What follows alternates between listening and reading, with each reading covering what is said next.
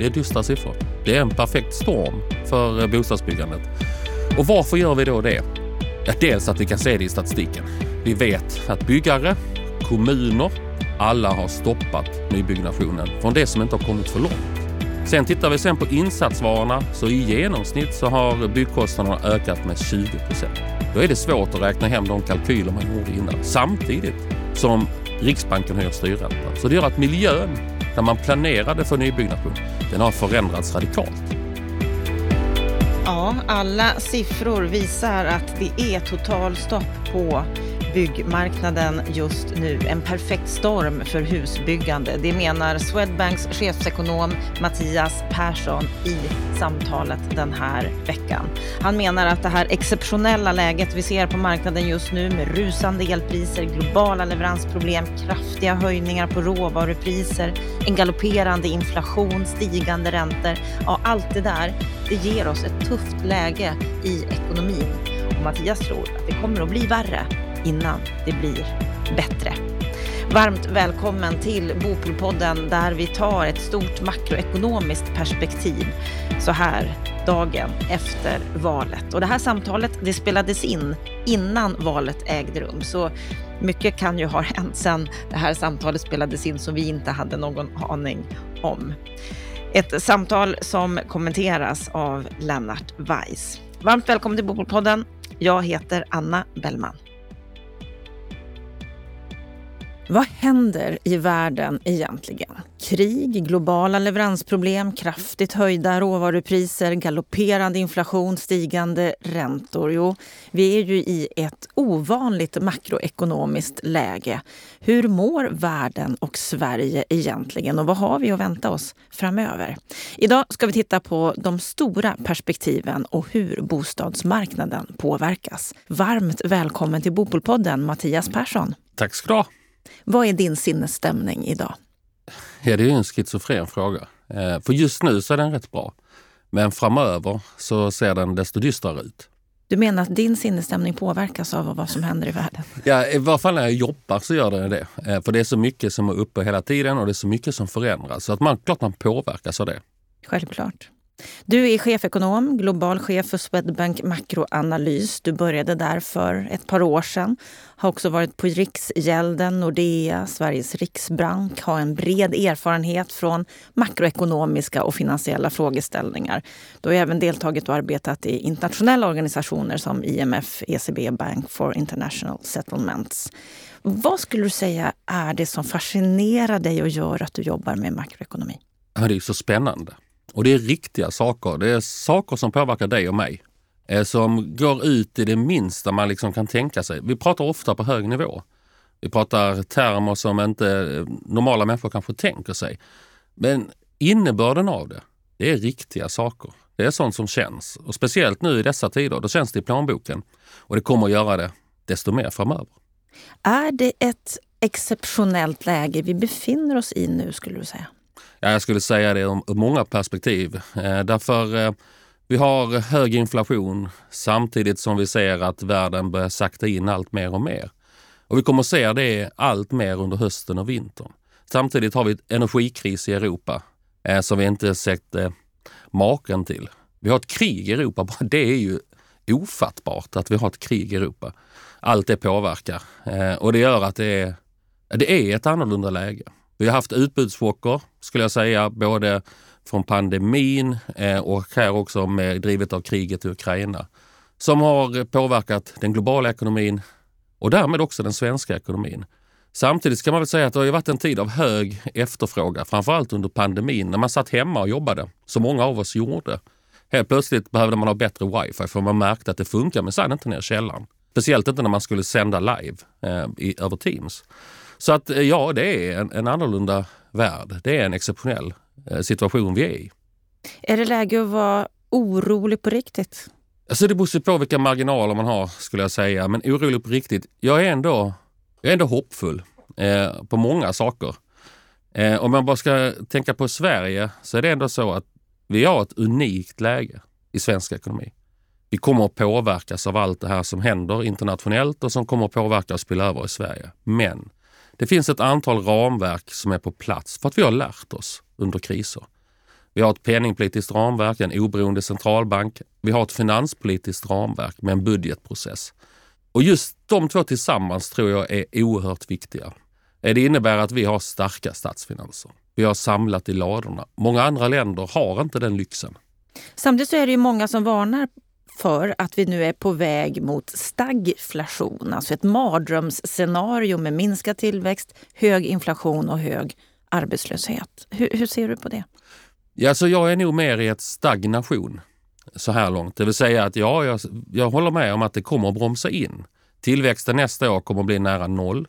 Det är ett förlorat år. Men samtidigt, och vi kommer att ha hög inflation, betydligt högre än Riksbankens inflationsmål. Men jag är rätt hoppfull på arbetsmarknaden.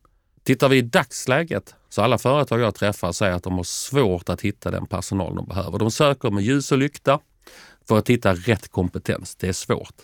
Den syn jag har då framför som vi också har i vår rapport, det är att vi tror att företagen kommer att hålla extra i personalen. Även om det kommer att bli jobbigt så är det så svårt att hitta rätt kompetens att släpper du den så kanske du inte hittar den igen.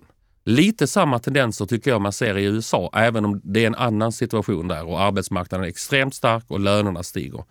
Men jag är ändå relativt hoppfull att arbetslösheten kanske inte behöver stiga så mycket som den skulle göra i en normal inbromsning av ekonomin. Lite hoppfullt. Lite hoppfullt. Nu är det ju mycket av prognoser och olika scenarier som du jobbar med. Vad är det som gör att vi ska tro på att det du förutser är rätt? Nej, men jag tror... Eh, jag känner mig stärkt av den bilden som jag får när jag träffar svenska företag. Och det är svenska företag i alla branscher, i alla regioner i Sverige.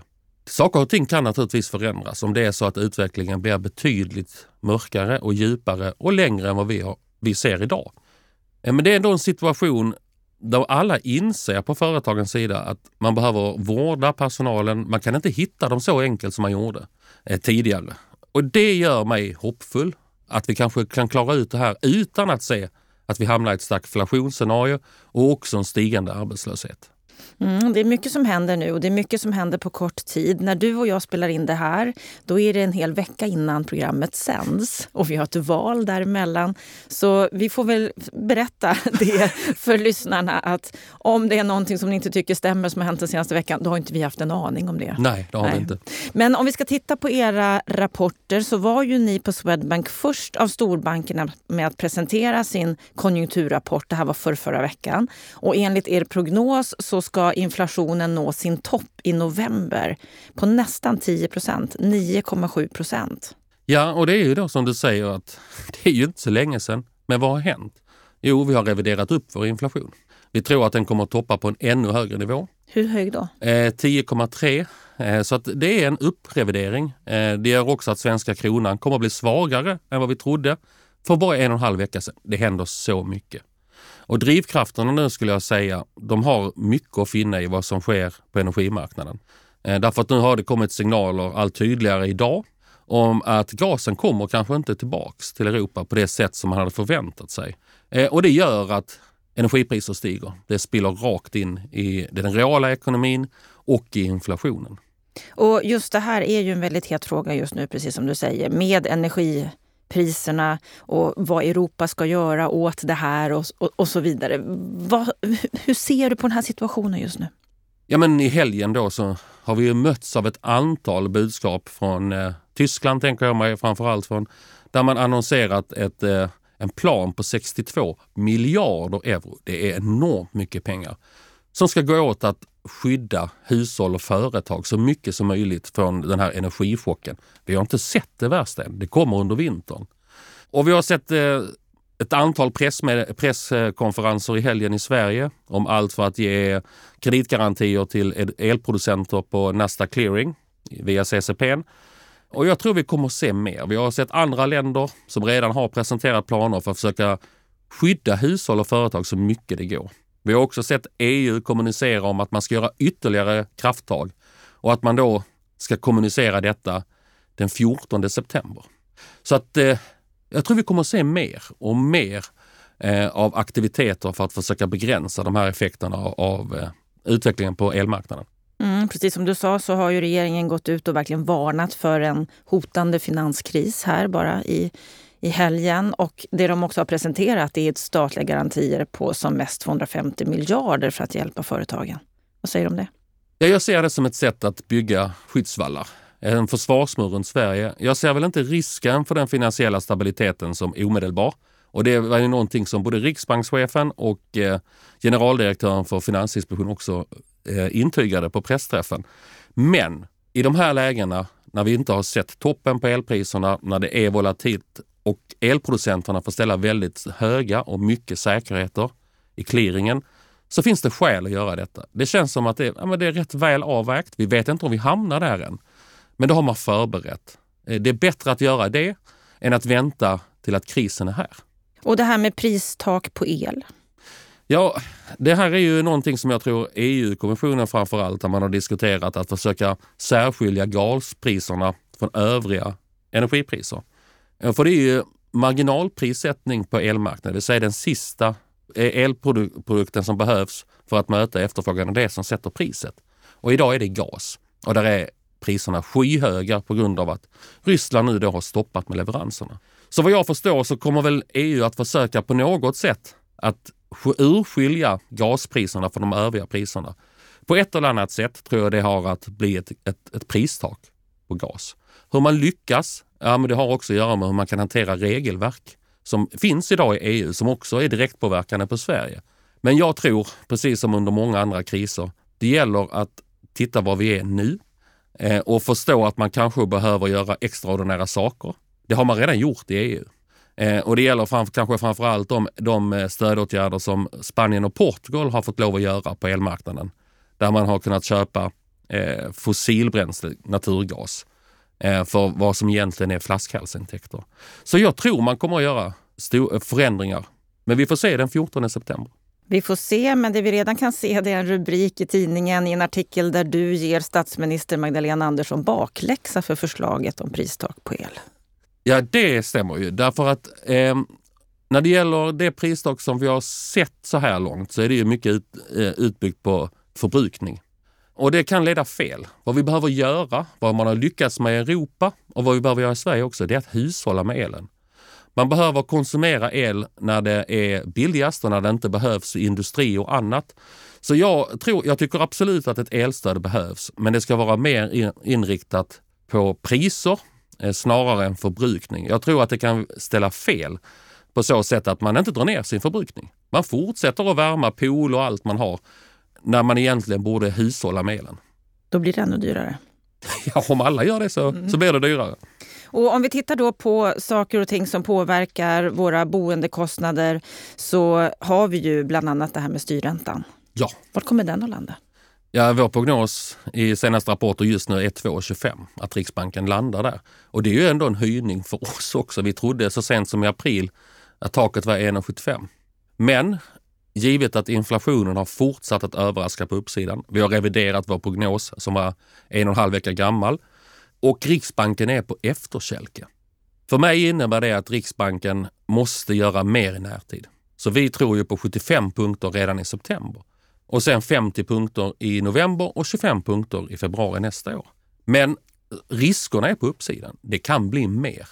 Men varför är Riksbanken på efterkälken? Ja, det är en bra fråga eh, som jag inte riktigt kan svara på. Men så här, allting skulle jag säga har sin utmynnelse i effekterna av pandemin. Vi trodde rätt så snabbt under förra hösten och vintern att övervältringen från de här höga fraktkostnaderna eh, effekterna av pandemin skulle bli att hushållen skulle möta mer av en övervältring från företagen. Så det var ett antagande du var tvungen att göra för man har inte sett det här i statistiken på samma sätt. Men det var så höga kostnader. Så vår bedömning var att det kommer bli större övervältring. Riksbanken gjorde inte den analysen. De trodde att inflationsprocessen var ungefär densamma som tidigare. Så man gjorde ett stort omtag i april från Riksbankens sida med sin penningpolitik och hur man såg på inflationen. Problemet var att det inte räckte. Sen gjorde man ett omtag i juni där man gjorde ännu mer eh, övervältring och fick en annan inflationsbana och en annan styrränteprognos. Problemet var att det inte räckte heller. Så nu står vi här i september och nu behöver man göra ett nytt omtag för man ligger långt ifrån vad inflationen är. Och en hel del av inflationen är ju drivet av energipriser. Och det brukar man säga att centralbanker inte ska agera på, den utbudschock. Men problemet är att det har spridit sig. Det är en mycket bredare inflation i Sverige. Många varugrupper, sällanköpsvaror som eh, möbler, bilar, där, ut, där är utvecklingen mycket, mycket starkare än det vi har sett historiskt när det gäller eh, bidrag till inflationen. Samtidigt så vet vi att maten, ja men den har nog inte stigit färdigt. För att bönderna har inte fått all kompensationen.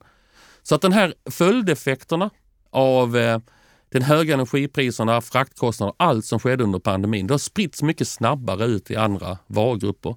Och det har gjort att vi fått en bredare och mer bestående inflation. Är det bekymmersamt att, att de är på efterkälken? Ja, det tycker jag är bekymmersamt. Och varför det? Det har att göra med dig och mig. Därför att det är svårt att planera för hur, vilket utrymme har jag egentligen för min konsumtion? När man inte vet var Riksbanken kommer att landa någonstans. Det här påverkar oss som har eget boende med bolån. Påverkar med en gång. För de flesta av oss har ju rätt så kort bindningstid på bolånen. Och det innebär att höjer Riksbanken styrräntan, då känner vi det omedelbart i plånboken. Och en annan sak som, som känns, i alla fall om man ska sälja en bostad idag, det är ju att priserna har stört dykt. Kommer vi se ännu mer? Ja, vi tror det tyvärr det.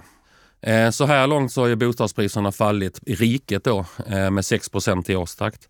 Vi tror att eh, de kommer att fortsätta att falla ett tag till och vi räknar med i dagsläget att vi kommer att se att bostadspriserna har fallit från toppen i februari i år till botten i början på nästa år med ungefär 15 procent. Det är mycket.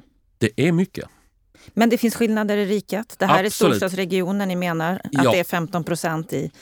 I andra delar så är det inte lika mycket. Nej, och storstadsregioner kanske är mer utsatta för att det är högre nivåer, vi är mer skuldsatta generellt. Eh, samtidigt som det saknas bostäder i delar av norra Sverige till exempel och där det behövs byggas.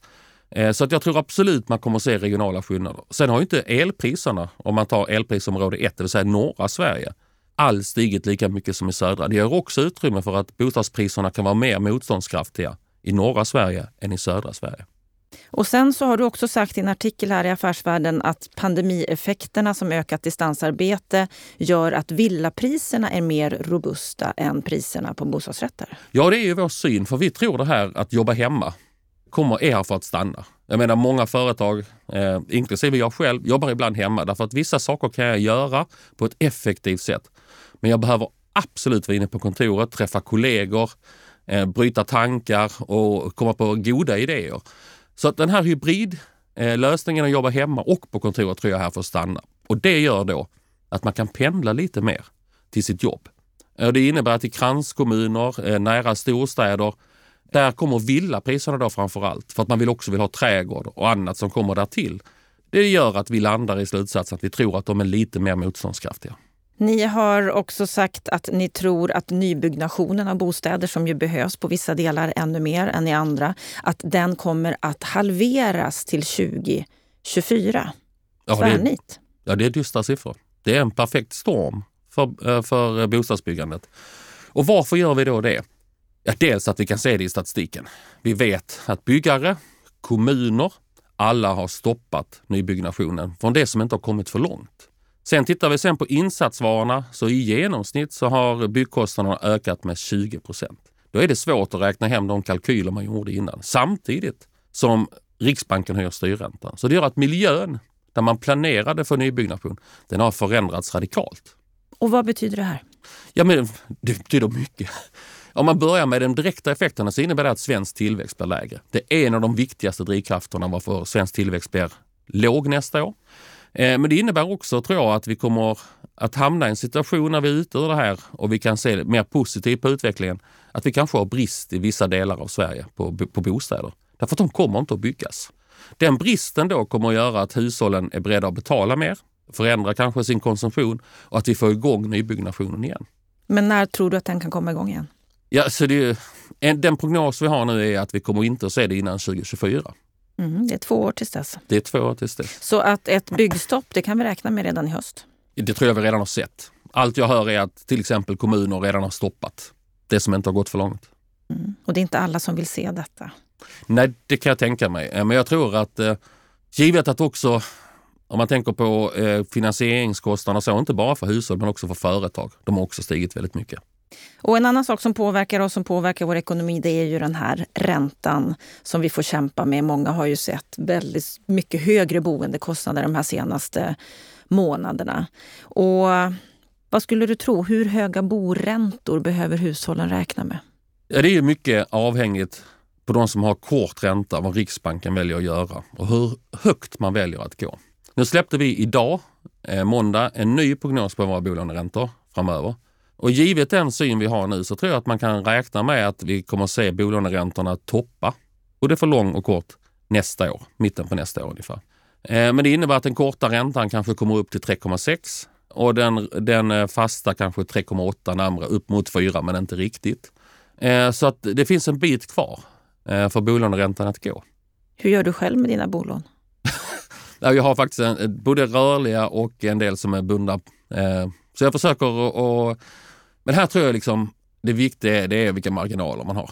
Klarar man av att tillfälligt eller under en längre tid ta högre boendekostnader så kan man göra det och då kan man ha mer rörligt. Men jag tror man behöver ha en mix. Det är i alla fall vad jag själv har. Det var rådet från dig idag.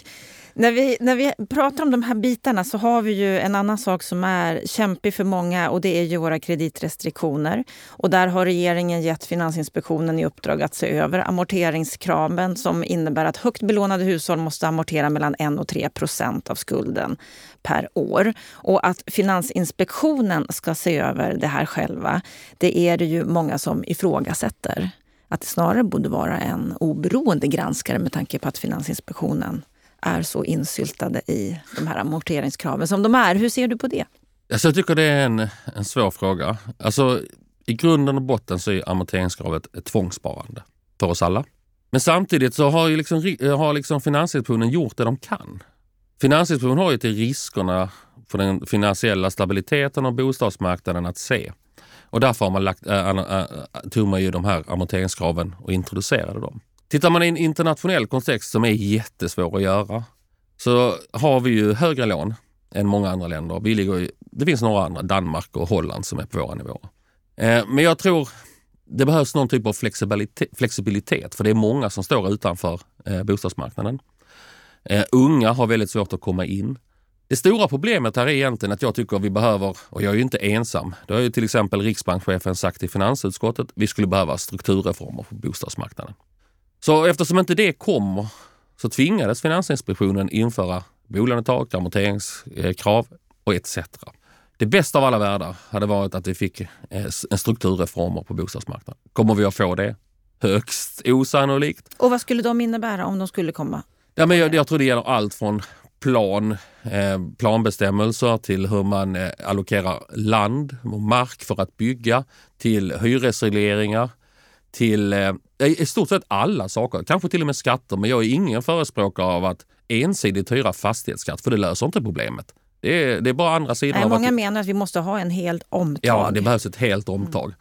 Så att eh, jag skulle vilja se alla delar i det här. Eh, faktiskt. Att man går igenom och tänker, tänker igenom det strukturerat. Det är svårt. Politiskt skulle jag säga att i dagsläget är det omöjligt. Men nu då när Finansinspektionen ska se över amorteringskraven som de ju själva försvarar väldigt starkt. Vad kan det betyda? Ja, men jag tror att eh, Finansinspektionen då tvingas ta, göra en ny analys. Vad är sidoeffekterna på det här? Eh, hur påverkas vissa grupper? Och det tror jag kanske kan leda någonstans. Samtidigt så å andra sidan har ju Finansinspektionen då problemet med hur, hur hanterar man riskerna? När man, inget strukturellt görs. Eh, så att de har en svår sits. Unga kommer inte in på bostadsmarknaden eh, och vi har risker på bostadsmarknaden som ingen vill kännas vid. Men kan det här betyda att amorteringskraven, eller i alla fall det andra amorteringskravet, kan tas bort? Alltså det finns ju politiska partier som gick till val på det, eller går till val, för det är ju på söndag. Eh, det är väl inte helt uteslutet att det, att det händer någonting i alla fall. Tas det bort helt? Jag, jag är inte så säker. Eh, jag skulle vilja höra din kommentar på, på just Finansinspektionens generaldirektör Erik Thedéen som ju ska bli riksbankschef här efter årsskiftet. Han kommenterade för ett par veckor sedan Finansinspektionens bedömning av den finansiella stabiliteten. Och då sa han bland annat så här att vi kan konstatera att många av de sårbarheter som byggts upp i det finansiella systemet under ett antal år nu riskerar att materialiseras. De strukturella åtgärder som Finansinspektionen vidtagit, som amorteringskrav och höjda kapitalkrav för utlåning till fastighetssektorn, har dämpat riskuppbyggnaden och ökat motståndskraften bland hushåll och banker. Ja. Har den finansiella motståndskraften blivit starkare? Jag har ju själv jobbat med de här eh, stabilitetsfrågorna. de risker man hade haft annars tror jag faktiskt hade varit större. Har man haft effekt med de åtgärder man har gjort? Absolut. Har det minskat riskerna? Jag skulle säga absolut. Är det de mest effektiva åtgärder man skulle genomföra för att minska riskerna? Nej, det tror jag inte. När det då gäller amortering, det andra amorteringskravet så tycker jag ju fortfarande att bostadsmarknaden inte fungerar. Så det, det absolut bästa hade ju varit med strukturreformer. Problemet man har då är att om ingen gör någonting så antingen hamnar det då på Finansinspektionen eller på någon annan myndighet att, att försöka lösa problemet kortsiktigt med någonting som kanske har sidoeffekter. Amorteringskravet är ett plåster därför att man inte gör det man borde. Och vad borde man göra? Ja, men det är ju strukturreformer. Men eftersom man inte kommer att kunna göra det som du säger, vad skulle man kunna göra istället? Ja, då får man ju titta på, finns det något annat sätt man kan försöka mitigera dem, hantera de här riskerna? Eh, och jag har ju svårt att se några tydliga andra eh, redskap man skulle kunna använda. Så jag tror det är en jättesvår sits Finansinspektionen får att utreda sitt eget förslag eh, och genomföra det om det andra amorteringskravet.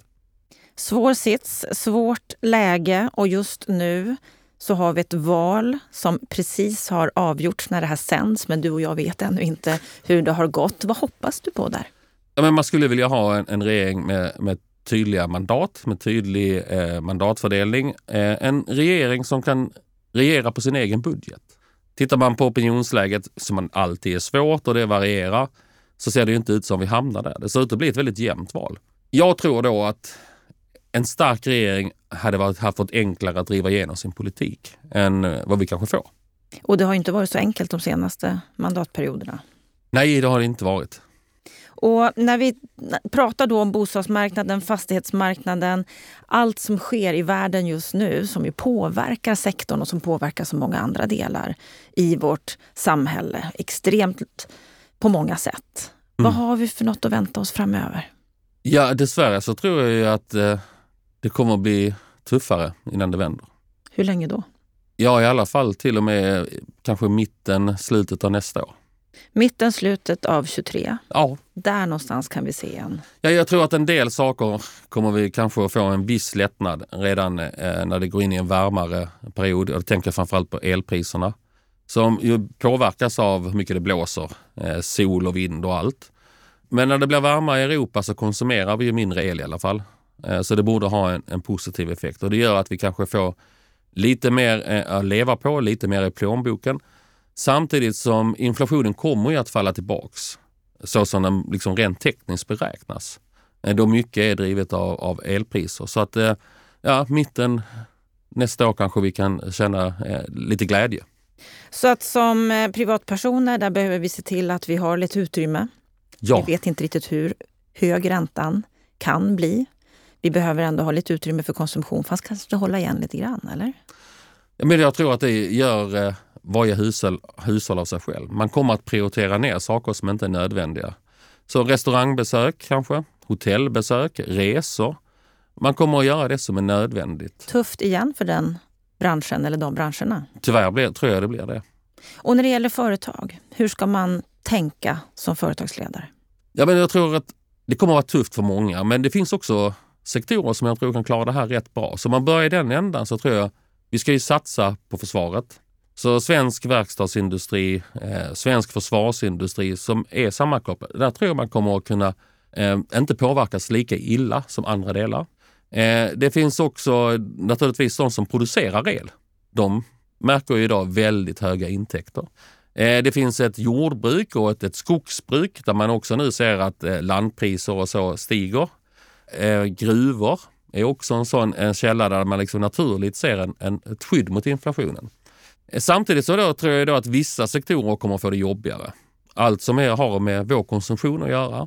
Framförallt sällanköp, bilar, tv-apparater, eh, kyl och frys, eh, möbler. Tror jag kommer att få det, och det kan man redan se i statistiken, kommer att få det tuffare. Eh, så det skiljer väldigt mellan olika sektorer. Och de sektorer. som bygger våra bostäder? De som bygger, de kommer att märka det. Jag tror att eh, alla eh, hantverkare kommer att få det betydligt tuffare framöver. Och då är det ett läge där vi aldrig har behövt så mycket bostäder Nej. som nu. Nej, och säkert renovering va? också som behöver göras. Så att, absolut. Väldigt komplicerat läge. Det kommer att bli värre innan det vänder. Det gör det. Och det vill vi inte sluta den här podden med. Så, så vi får sluta med något positivt. Ja, och vad ska vi sluta med då, då Mattias? Ja, men jag tror att det finns alltså, någonting som är positivt men som kommer att vara smärtsamt i det korta perspektivet. Det är ju den gröna omställningen.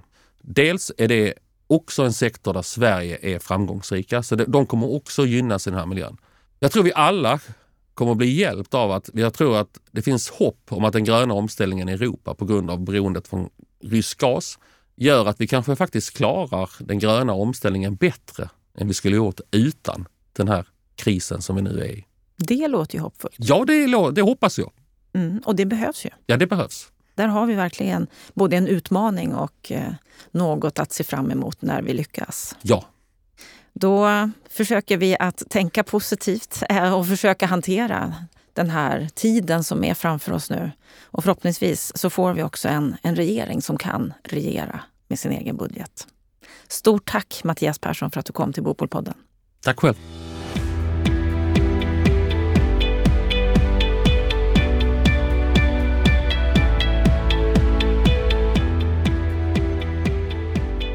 Då har vi hört samtalet med Swedbanks chefsekonom Mattias Persson. Lennart Weiss, vår expertkommentator, vad säger du om det här samtalet?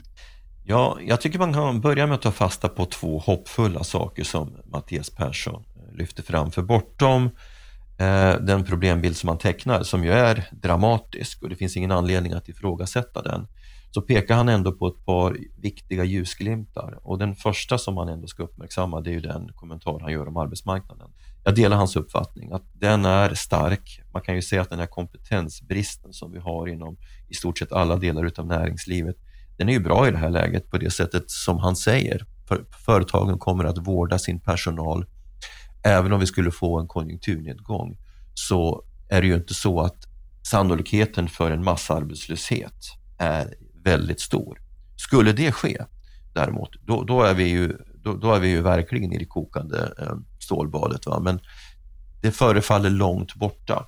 Det är en viktig eh, eh, ljusglimt som gör att både företag och hushåll har anledning att liksom vara optimistiska och ändå fortsätta att konsumera och så, och så investera, om än på en lägre nivå. Och Den andra eh, saken som ju han markerar som jag tycker är väldigt viktig, det är ju att med all sannolikhet så kommer den här energikrisen som Ukraina-kriget har utlöst med väldig dramatik påskynda den gröna omställningen. Så tänker man positivt så kan man tänka så här att på samma sätt som pandemin eh, påskyndade det digitala språnget, både på företag och i våra hushåll, så kan man, man kan tänka sig, eller så förefaller det ganska uppenbart, att det som sker nu påskyndar den gröna omställningen, utfasningen utav gammaldags fossila fossilbaserade energikällor och beroenden över till en grön ekonomi som bygger på fossilfria eh, produktionsslag, energikällor. Och det är eh, oerhört viktigt därför att eh, om vi inte om inte den gröna omställningen får ett språng så kommer vi inte att lösa klimatkrisen. Så på det sättet så föder krisen någonting nytt och det är bra. Men i det korta perspektivet så är det ju som han säger, inflationen är hög, den kommer att pika någonstans, säger han, över 10 procent. Det kommer att göra att räntorna åker med. Och uh, hans prognoser i det avseendet, avseende även boprisfall och så vidare och fall i, i bostadsbyggandet, han talar om en halvering till 2024, tror jag är helt korrekta och realistiska. Han är ju rätt orolig, får man upplevelsen av. Jag tycker att han pratar klarspråk på ett välgörande sätt. Dessutom är han rapp eh, i, i retoriken, vilket jag gillar. Ehm, det blir en tydlighet ehm, och eh, lyssnar man på den här typen av förutsägelser så får man också tydliga spelregler att förhålla sig till. Men man kan ju säga vad gäller bostadsmarknaden så, ja, eh, vill, jag vill inte vara mallig, men jag, menar, jag sa det här redan för sex månader sedan och skrev om det i affärspressen också. Det kommer bli ett tvärstopp.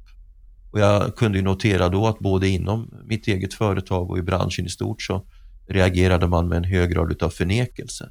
Så sent som på försommaren så sa mina kollegor i de större branschföretagen att ja, vi ser inte det här än och så. Men nu när vi kommer tillbaka så ser man samma scenario. Jag tror på en real halvering, minst halvering utav bostadsbyggandet från toppnivån. kan bli värre än så. Och eh, att, det, att det får konsekvenser för, för eh, samhällsekonomin, det är ju ingen tvekan därför att det gör ju att hela arbetsmarknaden fungerar sämre. Men han pekar också på några möjligheter.